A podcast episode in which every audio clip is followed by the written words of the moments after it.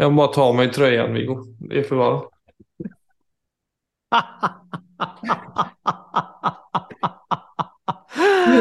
Her sitter jeg i Italia, og så er det du som må kle av deg. Jeg måtte ta på meg sokker, for det var så kaldt på gulvet. Å, herregud. Ja, ja. Livets ironi. Eh, vi har trykket på record, ja. Skal vi se. Vi skal ju snacka om eh, generositet, som det heter. Ja. Och Det er et fint tidigare- tema. Det är det. Och tidigare så har vi snackat om eh, de två sist- senaste episoderna så hade vi om ego och om lykke. Mm. Och generositet är ju en eh, väldigt sån eh, fin eh, grej in i mixen där. Och för min del så tenkte jeg først ut på generositet ovanför en selv. Det er også generositet ovanför andre, som vi skal gå inn på litt senere òg. Ja. Men du har jo sagt en ting til meg som Og som du har nevnt i podden også, tror jeg. Og det å kunne være god med seg selv, i beste fall være sin egen beste venn. Helt klart. Ja, og det, og det å være sjenerøs med seg selv.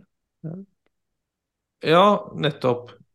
Uten at man skal bli for hodestyrt som eh, vi også skal gå litt inn på senere. Men den, det første spørs, ikke spørsmål, men det jeg da det de ledde meg til, var hvorfor som jeg, jeg, har kjent igjen meg i mye.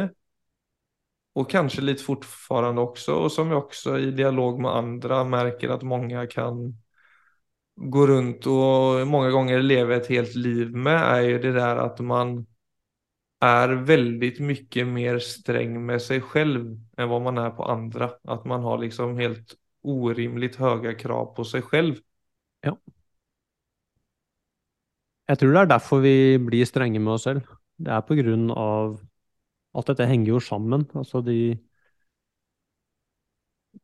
Det er veldig høye krav, og så er det Husk på, dette er jo, alt dette er jo ubevisste antagelser. Dette er jo ikke ting mennesker sitter seg ned og lager en plan for. Alt dette, alt dette er ubevisste impulser.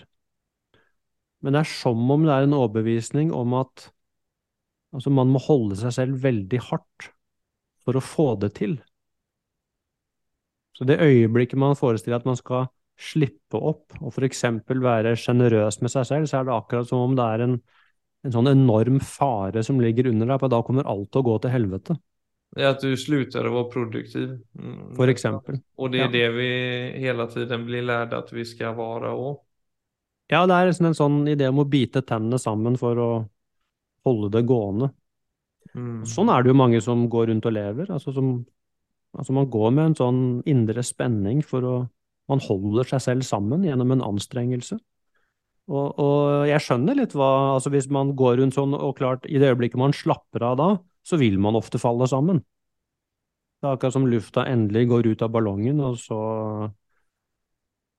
Og så mister man plutselig hele kraften sin.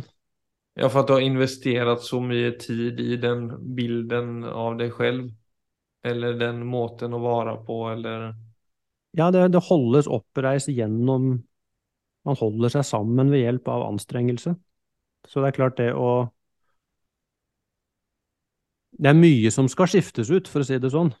Det er jo en lang jobb vi snakker om her, for å gå fra å Så det å holde meg sammen og holde fremdriften min oppe ved hjelp av egentlig regler og tanken om å prestere og være effektiv og ja, kanskje både for mitt eget selvbildes skyld, men også for å holde altså fasaden min oppe. Altså alle, alle disse tingene henger jo sammen. Og så tror jeg det er mange som tenker, og når vi snakker om å være sjenerøs med seg selv, så er det jo også Det er jo veldig viktig å, å reflektere over hva det betyr på sitt beste. Det betyr jo For det kan jo bety at man blir bare en sånn Ja, man kan tolke det i en retning som går mot selvopptatthet, da. At jeg tar mer hensyn til meg selv enn andre, at jeg ja, jeg er ikke så opptatt av eh, å bidra til samfunnet og kollegaene mine fordi jeg er sjenerøs med seg selv. Altså mer den veldig overfladiske måten å se det på. Så det kan være greit bare å luke bort den med en gang, at det er, det er ikke det vi snakker om. Det, ikke, det å være egoistisk er ikke å være snill med seg selv. Nei, og det Jeg tenker også Det kan også være om du ikke får til det du vil få til, så kan du si at det, det er fint så som det er, men egentlig så nøyer du deg bare med noe som du egentlig ikke vil ha, men du prater til deg selv på en måte som mer parkerer deg, men som er en slags eh, fake trygghet, da. Ja, det blir egentlig en form for unnvikelse, hvor man kanskje har lært seg å si de rette tingene, men som i verste fall bare fører til passivitet. Og, og igjen blir en sånn så en, en, hodestyrt måte å være med seg selv på, hvor jeg prøver å overtale meg selv om at det er bra nok. Selv om jeg kanskje dypt inne i følelseslivet mitt vet at, at jeg egentlig bare unnviker. Så, så, igjen, så det er den andre. Så det er mange slagsider her i, dette, altså i denne terminologien. Ja, for det, det, er så veldig just av den grunnen at vi er så mentale. Altså at vi, vi alle har jo veldig mye oppe i knotten som dikterer våre liv. Mm. Eh, og det For jeg hadde et samtale med en venn av meg som just har en sånn holdning med sine barn, at han skal være mer empatisk og omsorgsfull. Og mm. prøve å etablere de holdningene så fort det dyker opp krevende situasjoner.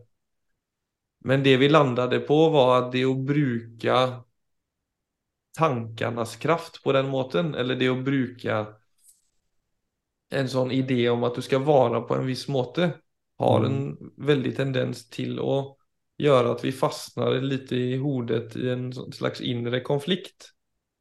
Ja. Så det vi egentlig landet på, var at hvis ikke tilstedeværelse er en ingrediens inn i den øvelsen og være empatisk overfor barnen, at du først kanskje da legger merke til hva som dyker opp først, som kanskje er en irritasjon. For eksempel. Og registrere den innan du da aktiverer en holdning som du heller vil skal diktere ditt liv. Ja. Eh, men om vi bare er jeg skal være sånn, jeg skal være sånn, så blir det nesten som en sånn pingpongmatch mellom dine impulser og måten du ønsker å være på, som blir veldig slitsomt. Det, er, eh, det der er veldig viktig, altså. Det er klart, det er jo Det er et veldig godt eksempel. Så la oss si det at jeg at jeg ønsker å være empatisk i relasjonene mine, og jeg ønsker å være sjenerøs. Både overfor meg selv og overfor andre. Og hvis, eh, og hvis jeg går løs på det prosjektet, og da skyver unna alt som ikke passer inn, så alt i meg som da er uempatisk og selvsentrert, og alt i meg som ikke er sjenerøst overfor meg selv og andre, mm. det dytter jeg bare bort. Så er det klart at da legger jeg jo lokk på hele livskraften min. Og, og etter hvert så vil også og sånne ting er vi ganske følsomme for, så vi merker det at når vi møter folk som lever sånn, så kjenner vi at her er det noe som er gærent. Dette er ikke naturlig. Så du får etter hvert lyst til å stikke fingeren i øyet på sånne folk. og, og, jeg tror også hvis man tar den strategien som foreldre, det kan nesten være litt skummelt. Altså sånn, eh, jeg sier ikke at det er det, med, men i verste fall så kan det bli fordi at ungene merker at det er en maske her. Altså Hvis det ligger en irritasjon eller en dom eller noe under empatien, så, så plukker vi det opp. Ja, og så tror jeg det fort genererer en følelse hos en om at man ikke får det til. Og da blir det et misnøye som henger over det hele tiden også. Ja. Men du sier noe viktig der, for du sier du må koble på tilstedeværelse. ikke sant? Og det, hvorfor det? Jo, fordi at eh, La oss si det, at jeg ønsker å være empatisk. Og det må jeg jo selv si at jeg, det ønsker jeg jo personlig i høyeste grad å være. Men for å få til det, så må jeg faktisk bli klar over alt i meg som er uempatisk. Alle mine egne uempatiske strømninger, de må jeg da bringe fram i lyset. Mm. Så i det øyeblikket jeg ikke er villig til det, så jeg er jo da nødt til å Så der kommer tilstedeværelsen inn. Så det er alle de tingene i meg som går i en annen retning. Det må jeg nummer én legge merke til. Jeg må forholde meg til det med ærlighet. Mm. Og så må jeg se om det er mulig å få ryddet opp i det.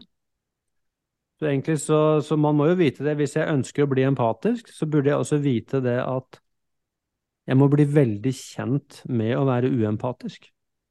Hvis jeg ønsker å være sjenerøs, så er jeg nødt til å bli kjent med dypt og intimt alt i meg som ikke er sjenerøst. Ellers så er Ja, sjansen det er litt en større oppgave, men desto bedre reise framover. Ja, og det blir jo en interessant reise. Men, men selvfølgelig, da skjønner man jo at dette er jo, som alle de tingene vi snakker om, dette er jo livsprosjekter. Jo, men det er litt det vi har snakket om òg, for det er sånn, ja det er litt mer krevende, men så er du, lever et modernt liv og føler at du har dårlig dåligt liv og da er det enklere å si til seg selv at nå skal jeg bare være empatisk. og så håper jeg på at det skal funke. Ja, men vi, Och så blir du bare ok, som alt annet, jeg fikk det ikke til, nei, jeg får överleva. Ja, men som du sier der, det blir enklere for meg, men det er, det er det vi må lære oss egentlig å forstå. Det blir ikke enklere. Nei, det å prøve nei. å ta sånne shortcuts, det er der livet blir vanskelig. Mm. Så det å tåle å se rett på og skjønne det at dette er et uh, Altså selvinnsikt er noe som aldri ender. Men, uh, men, det, gjør, men det er én ting det gjør. Det gjør livet lettere på sikt. Det gjør det faktisk. For man reiser med mindre og mindre bagasje. Og slipper å ha liksom alle maskene med seg hver gang man går ut døra, for å finne den som passer eh, den rette situasjonen. Det er, jo- det er et vanskelig liv. Så forskjellen da er om de impulsene kommer som vi ikke ønsker? Ja, de er jo alltid der. De er jo alltid där. Mm. Om jag då föreställer mig en tanke i en relation så kommer den impulsen av att bli irriterad över att barnen inte gör så som jag kanske där och då tänker är lägligt. Då. Ja. Och då är det ju två ting där som du säger. Det ena är bara att du nästan ubevisst bara blockerar eller undantrycker den födelsen och försöker att vara varm och empatisk. Mm. Det andre er at du har litt mer til overs, litt mer vakenhet og ta inn den første impulsen som er Mm. det du vil ha mindre av i livet. Mm. Se på den med altså varme, eller du egentlig å bare ta den inn da, for å ikke gjøre det altfor för stort. Ja. Men å bli bare sånn OK, her er den, mer den da. Her er den. Nu pustar jag med den en gång och så försöker jag vända mig till det jag egentligen önskar göra. Men att du bryter det där, det vi jag icke ha, eller den där eh, tendensen i oss som försöker att kvitta sig med ting. Og også da ta inn over deg altså, at ikke det er et angrep på selvbildet ditt. ikke sant? Det er noe med ja, jeg blir irritert på ungene mine. altså jeg blir Innimellom så blir jeg fly forbanna, faktisk. Innimellom er jeg skikkelig uempatisk. Jeg bryr meg egentlig ikke. Jeg har mer enn nok med meg selv. altså det er noe med å si, Ja, det er jo naturlige følelser for oss mennesker. Og innimellom også så, så klarer jeg ikke være med det heller. Innimellom blir jeg faktisk forbanna. Så det må være rom for det også. Men samtidig at det er denne undersøkelsen av seg selv, og samtidig, når jeg blir irritert, med litt erfaring, så vet jeg jo også det at altså, irritasjon og sinne er jo en energi. Og det er et ganske stort trykk i kroppen, og jeg har masse erfaring med å blåse den energien ut. Og i hvert fall i min egen erfaring, hver gang jeg gjør det, så blir det veldig lite tilfredsstillende. Jeg får aldri det jeg egentlig ønsker meg. Det skaper stort sett mer avstand, og det skaper mer konflikt. Så det er den første innsikten man faktisk kan eh, erverve seg. Så når jeg står der med det trykket i kroppen, og har en viss grad av tilstedeværelse, etter hvert evner jeg å også møte det trykket med aksept, så jeg kan få lov til å være der. Men jeg vet også det at hvis jeg blåser ut dette nå, så blir det bare verre. Så det å kunne skille da den, altså det trykket i kroppen fra valgene mine og handlingene mine, så jeg kan jo fortsatt ta et valg som kommer fra et annet sted enn sinne, og som ikke blir en livsløgn. For det er jo ikke det at jeg ikke vedkjenner meg det. Men si, her kommer jo fleksibiliteten inn til å kunne ha gode valg, både for meg selv og for barna mine, men uten at jeg trenger å legge lokk på følelsene mine. Så da begynner det å bli en form for livskunst. Men det er interessant det jo där bare si påpeke seg selv her kommer den der følelsen som kjennes veldig rett her og nå. Fordi det det er man kan så- känna med det er så Att det var sån, Ja. här är den, han som bara vet vad han vill. Mm. Och så ska man förstå att ja, men det tar inte många sekunder innan han är borta och du känner på något helt annet. Eller er akkurat det. Så vi blir jo veldig forført av emosjonene våre. De er veldig, veldig altså seductive.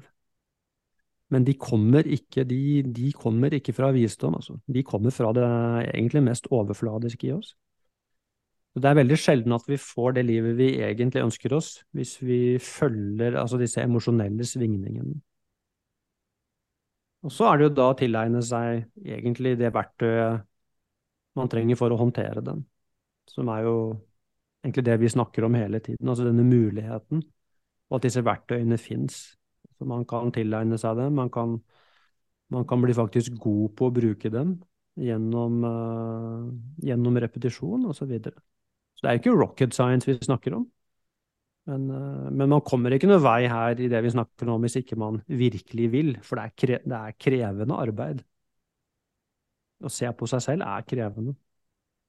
Ja, men jag liker alltså det du sier også, at man ibland burstar ut, man gjør fel, det er en læring i det och, eller en icke-läring, men at man kommer alltid også gjøre ting som man ikke som ikke nødvendigvis er riktig, eller som man ikke kjenner på.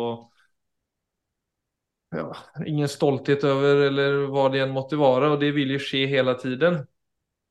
Men jeg kan jo kjenne det at bare man faktiskt tänker lite över detta och de gångerna man gör fel så har jag nästan lite så naivt kunnat tänka ja, ja, nu representerar jag lite mer världen. Alltså det är nesten nästan, det är lite friktion i världen, alltså man kan bara ta en sån du jobbar med detta, okej, li- världen är obalanserad, ibland gör du ting som är obalanserat. Då är det lite grum som barnen uansett kommer kjenne på, på andre sett.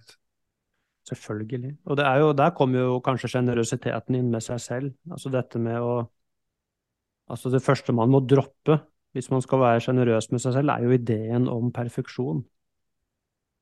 Altså det er Vi er veldig komplekse som mennesker. Og vi har jo så mye impulser i oss, altså som går i alle retninger, så det, det kan ikke være noe krav om at jeg skal gå gjennom verden Altså uten å bli sint, uten å bli irritert, uten å være egoistisk. Altså det er noe med å se, altså vi Det er et vepsebol, og jeg forholder meg til det vepsebordet så godt jeg kan. Så det å gå inn der med en, ja, med en varme og tålmodighet og sjenerøsitet, og at det å gjøre såkalte feil Til og med det ordet feil, ikke sant, det er sånn det er jo en av, Vi er nødt til å gjøre feil for å lære. Så hvor feil er det da? Så hva er egentlig feil? Feil er erfaring. Og hvis jeg gjør feil som sårer noen, så er det veldig tøff læring. Men, men igjen, altså Det var først når jeg så hva det skapte, at jeg lærte noe. Så det var jo Jo, jo, åpenbart er nødvendig, ellers ville jeg ikke gjort det. Men med det sagt så kan man ikke gjøre hva man vil i form av at man påfører andre smerte. Selvfølgelig ikke. Men vi gjør det jo allikevel innimellom. Sant? Det er noe med den, Det er en veldig interessant setning du sier der, og jeg er jo selvfølgelig enig med deg, men samtidig ikke sant, så er det Se på alle de tingene du har gjort som du tenker på som kanskje Jeg vet ikke om det er noe, men hvis det er noe som tenker som virkelig var idiotisk, hvor du virkelig påførte deg selv eller andre smerte. Og det er jo noen ganger når vi gjør sånne ting, så ville vi jo et, i etterkant sånn være villige til å gi fra oss den ene armen for å ha sluppet å ha gjort det. Men vi gjør jo sånne ting. Ja, vi gjør det ja. Ja, det er det vi gjør. Vi mennesker gjør jo det. Vi gjør jo utrolig mye eh, dumme ting som vi Så det er ikke det at vi sier at det er greit. Nei, for det tror jeg er veldig viktig. For det tenker jeg jo bare direkt på, Nå er det det vi behandler ofte det perspektivet first, first hand person, altså fra från, eh, från vårt egna perspektiv. Men det er noe med det å ta, i, ta til betraktning att alla andra har sin kamp och man må ta, ta litt hensyn i å ikke bare tenke at oavsett hva jeg gjør, så tar jeg en stoisk ånd på det, og alt, alt, er, alt er ok. Nei, selvfølgelig, eh, selvfølgelig ikke. Men jeg håper ikke du opplevde at det var det jeg prøvde å si.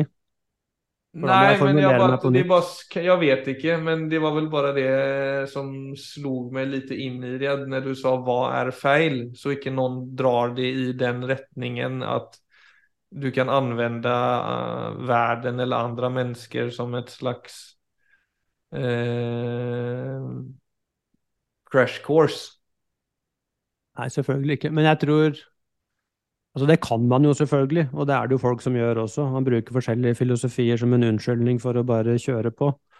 Men hvis man er genuint interessert i altså finne ut av livet og seg selv, og at man, man tilnærmer seg det vi snakker om nå med en, altså med en faktisk interesse, så faller det problemet bort. For det du oppdager, er jo det at, at det å påføre andre smerte det er jo veldig vondt for meg. Så det er jo der Så, så det er jo en etikk som ligger innebygd i mennesket. Ja. Og så er det det motsatte, da, at man er redd for å havne i, i For det kan jeg jo kjenne i Det vet jeg ikke om det også er en, en litt sånn egenskap av vår tid, det å bli Eller være redd for å hamna i konflikt eller hamna i oenigheter og være ty tydlig. At man er redd for å såre andre. Altså om jeg skal ta det helt andre perspektivet der, at man, man, man tar så hensyn til andres følelser at man ikke helt gir plass for sine egne meninger. Ja, jeg tror kanskje det er et større problem i dag enn dette med Altså dette med å være villig til å gjøre feil, det er jo en veldig vanskelig ting. Jeg tror det er mye mer vanlig å gjøre det motsatte, at vi gjemmer oss og inngår kanskje for mange kompromisser. Og er eh, altså vel, kanskje redd for den direkte, ærlige samtalen. Fordi det kanskje kan være støtende, f.eks. Men det blir jo på en måte sånn Det er ganske interessant å se, fordi uansett i hvilken retning man går, så står man igjen egentlig med eh, den samme utfordringen, som jo er selvinnsikt. Mm. Altså det å Altså det å være direkte mot noen, altså uten å være angripende. Uten at det handler om at jeg egentlig har lyst til å ta vedkommende, eller at jeg har lyst til å hevde meg selv. Altså det å komme fra det rette stedet i seg selv. Både når jeg henvender meg til andre, men også når jeg henvender meg til meg selv. Så det blir jo Så vi kommer jo tilbake da til dette med altså genuin empati og genuin sjenerøsitet. Det vil alltid henge sammen med en ganske dyp selvinnsikt. Og hvis den ikke er der, så blir vi ofre for mer uh, overfladiske krefter i psyken vår, som er selvbeskyttende, og som er dømmende, og som er engstelige, så da blir det mer primitivt. Altså både dialogen med meg selv og dialogen med andre blir Den blir eh, Det er rett og slett mye mer støy på linja. Ja, det, jeg syns, jeg syns det er litt så eh, Litt uh, Jeg vet ikke om jeg skal si sorgelig, men jeg føler at det du sier, det treffer en veldig sånn nerv hos många människor som, nu ska inte jag säga att jag är helt, alltså att jag icke alls är en del av den gruppen. Men eh, den mang mangelen på selvinnsikt eller ovilligheten til selvinnsikt som jeg kan se i samfunnet, det er også den som skaper litt frykt av å kanskje ta ting ved roten og ta et ærlig samtale for at folk er veldig mentale og ikke nødvendigvis er i så god kontakt med sine følelser, så man er redd for hva utfallet kan bli. Jeg tror du treffer spikeren på hodet der. Altså er, eh, så jeg tror, du vet dette, vi snakker jo om altså ta et ærlig blikk på seg selv, se bak masken. Og jeg tror med den Og det, og det er selvfølgelig en reell frykt også, for det er jo Det første laget bak masken er jo ofte eh, altså det vi kaller altså stygt, da. Der er det selvsentrerte impulser. Så det, så det, er jo ofte, det første laget er jo ofte ting vi av gode grunner ikke har lyst til å identifisere oss med. Og da er det jo mye lettere å gå til altså en eller annen regel eller verdi som jeg, jeg ønsker å være empatisk, jeg ønsker å være sjenerøs osv. Mens det vi snakker om her, er jo den Altså det som ligger under det igjen. Ja, det er det jeg mener med god kontakt med sine følelser. Ja, det er akkurat det. Og det er det jo veldig mange i dag som ikke er klar over. Og for at vi snakker altfor lite om å være mennesker, så at det ligger noe at det ligger en genuin empati, en genuin kjærlighet. At det ligger genuine verdier i deg, i dypet av bevisstheten din, og det gjør det fra naturens side. Sånn at jo dypere du går i deg selv, jo lysere blir det. Men selvfølgelig det mange er redd for, det er at jo dypere jeg går i meg selv, så ender jeg bare i et rovdyr til slutt. Og at det er det som er den grunnleggende sannheten om oss. Jeg tror det er kanskje det største problemet i dag for for den, for den ja, for det er den, men, det er den menneskelige modellen. Ja. At vi har uh, Vi er liksom man-made. Ja. Og bakom den uh, rustningen så er det bare et dyr. Ja, det er akkurat det. Og der, jeg, jeg jo, skjønner jo veldig godt det. Hvis det er det man tror, hvorfor skal jeg drive med selvinnsikt da? Så, så, det er igjen noe med denne å Men jeg liker veldig godt det bakom den, for det er jo bare Uansett, det der er jo ikke noen sannhet. Det vet jo alle som har drevet med reell selvinnsikt. At det fins noe som er følelser som går beyond det dyriske, og som er Uansett hva man legger i det, så er det noe som er veldig retningsfullt og meningsfullt og fullt av visdom. Men det du sier som Altså masken, da, om det er liksom den imagen som vi holder opp overfor verden, at der bakom så er det ofte en del eh, Hva kalte du det? Ikke destruktive følelser, men du sa en, Følelser ofte bygget rundt usikkerhet, la oss si det. Ja. At vi forsøker hevde oss i världen. Og bakom der igjen så har vi følelser som på en måte vi er i dårlig kontakt med. Men den, just den grunnen, da, at vi er i dårlig kontakt med følelser som går litt mer på omsorg, empati, kjærlighet Langvarig, lang, langsiktige følelser. Konsekvensen av det blir da på en måte det første lagret som er bakom masken. Mm. Ja. Og da er jo spørsmålet hvordan kan vi komme litt mer i kontakt med det, og ikke bare kjenne på den uroen og begynne bekjente seg med det stygge bakom vår egen image? Ja, det er jo det store spørsmålet, Philip. Så det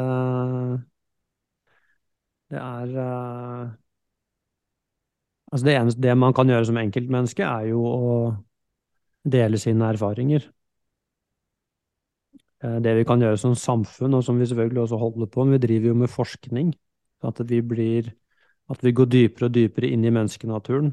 Det er klart, i det øyeblikket vi kollektivt finner ut av at det er en grunn i mennesket som bærer, og at når det stilner i sinnet, og du kommer dypere inn i deg selv, så frigjør du Eh, så frigjør du en type følelsesliv som faktisk er caring.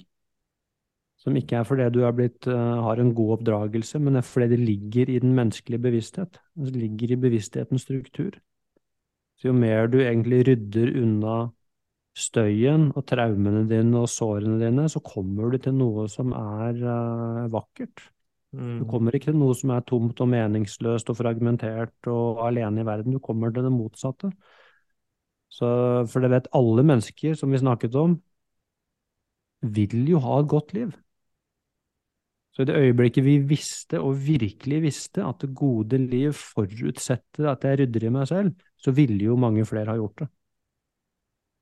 Ja, men så er det så mange ting som peker mot, jeg tenker på djupa trauman. nå sånn, skal, skal, vi ikke dra det tilbake, jeg vil holde oss her, men just bare en sånn saying som samtidig er et, eh, et symbol på hvordan vi ser på mennesken.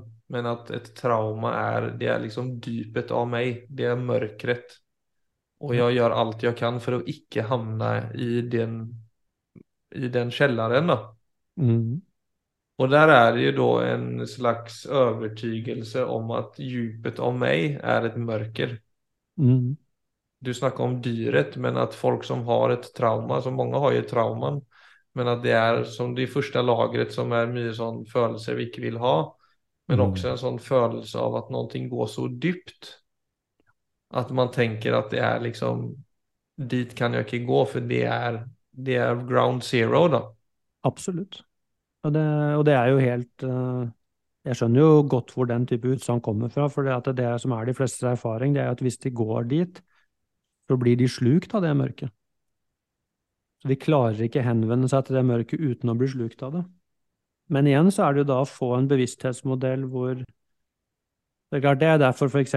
sånn psykedelika i terapi er, eh, er veldig interessant akkurat nå, for at det virker som om det gjør at folk kommer i kontakt med et sted i seg selv hvor du kan forholde deg til traumet ditt uten å bli slukt av det. Og da er det selvfølgelig Alle er jo villige til å gjøre det hvis de får det til. Og det er jo det samme man prøver å gjøre med altså mindfulness og meditasjon og den type kontemplative øvelser. Det er jo å finne det i meg selv som aldri kan bli traumatisert. Noe i meg er ikke skadet. Men hvis jeg opplever å si 'jeg er skadet', så er det ikke som om hele meg er skadet. Men så fant jeg plutselig noe i meg selv som gikk dypere enn det. Og da vet jeg det. Det blir akkurat det samme, så i det øyeblikket jeg finner det i meg selv, som aldri kan bli skadet, så kan jeg se på traumene mine fra et sted som, som ikke er skadet. Og da vil jo selvfølgelig integrering eh, begynne å finne sted.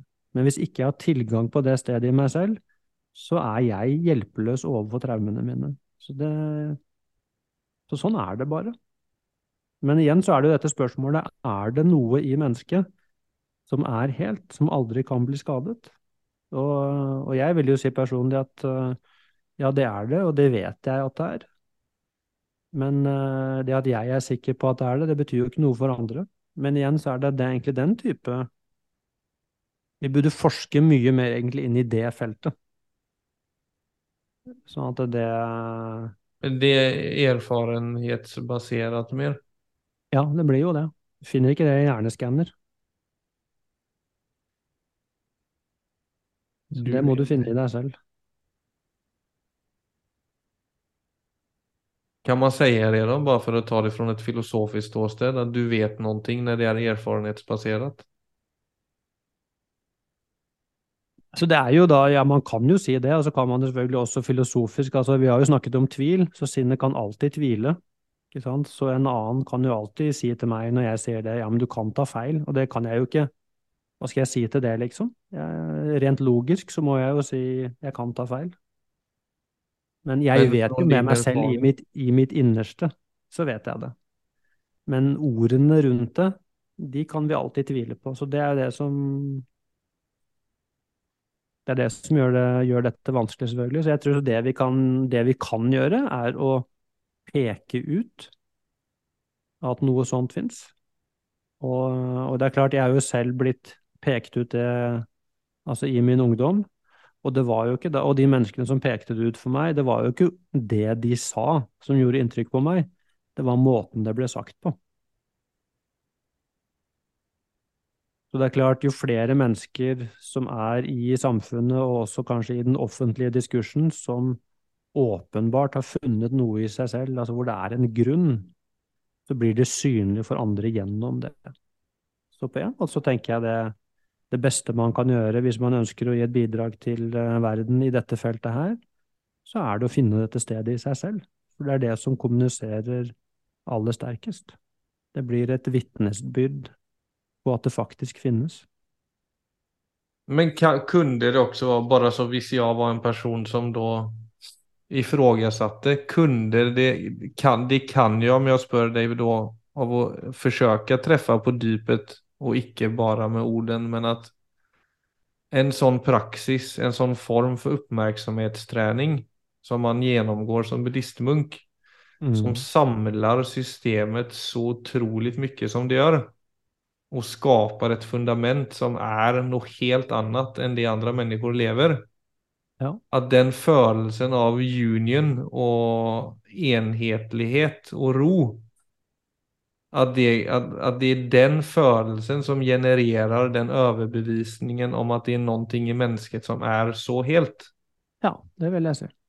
Hvis det var godt oppsummert.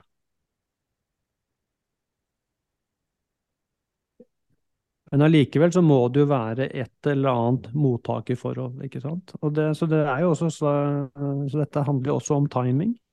Så det er, eh, det er eh, et rett sted og en rett tid for alt. Men, eh, men ja, i stor grad vil jeg si at det du sier der, er eh, Det er sånn det er. Det er veldig overbevisende eh, å se noen som faktisk har kommet til freds. Mm.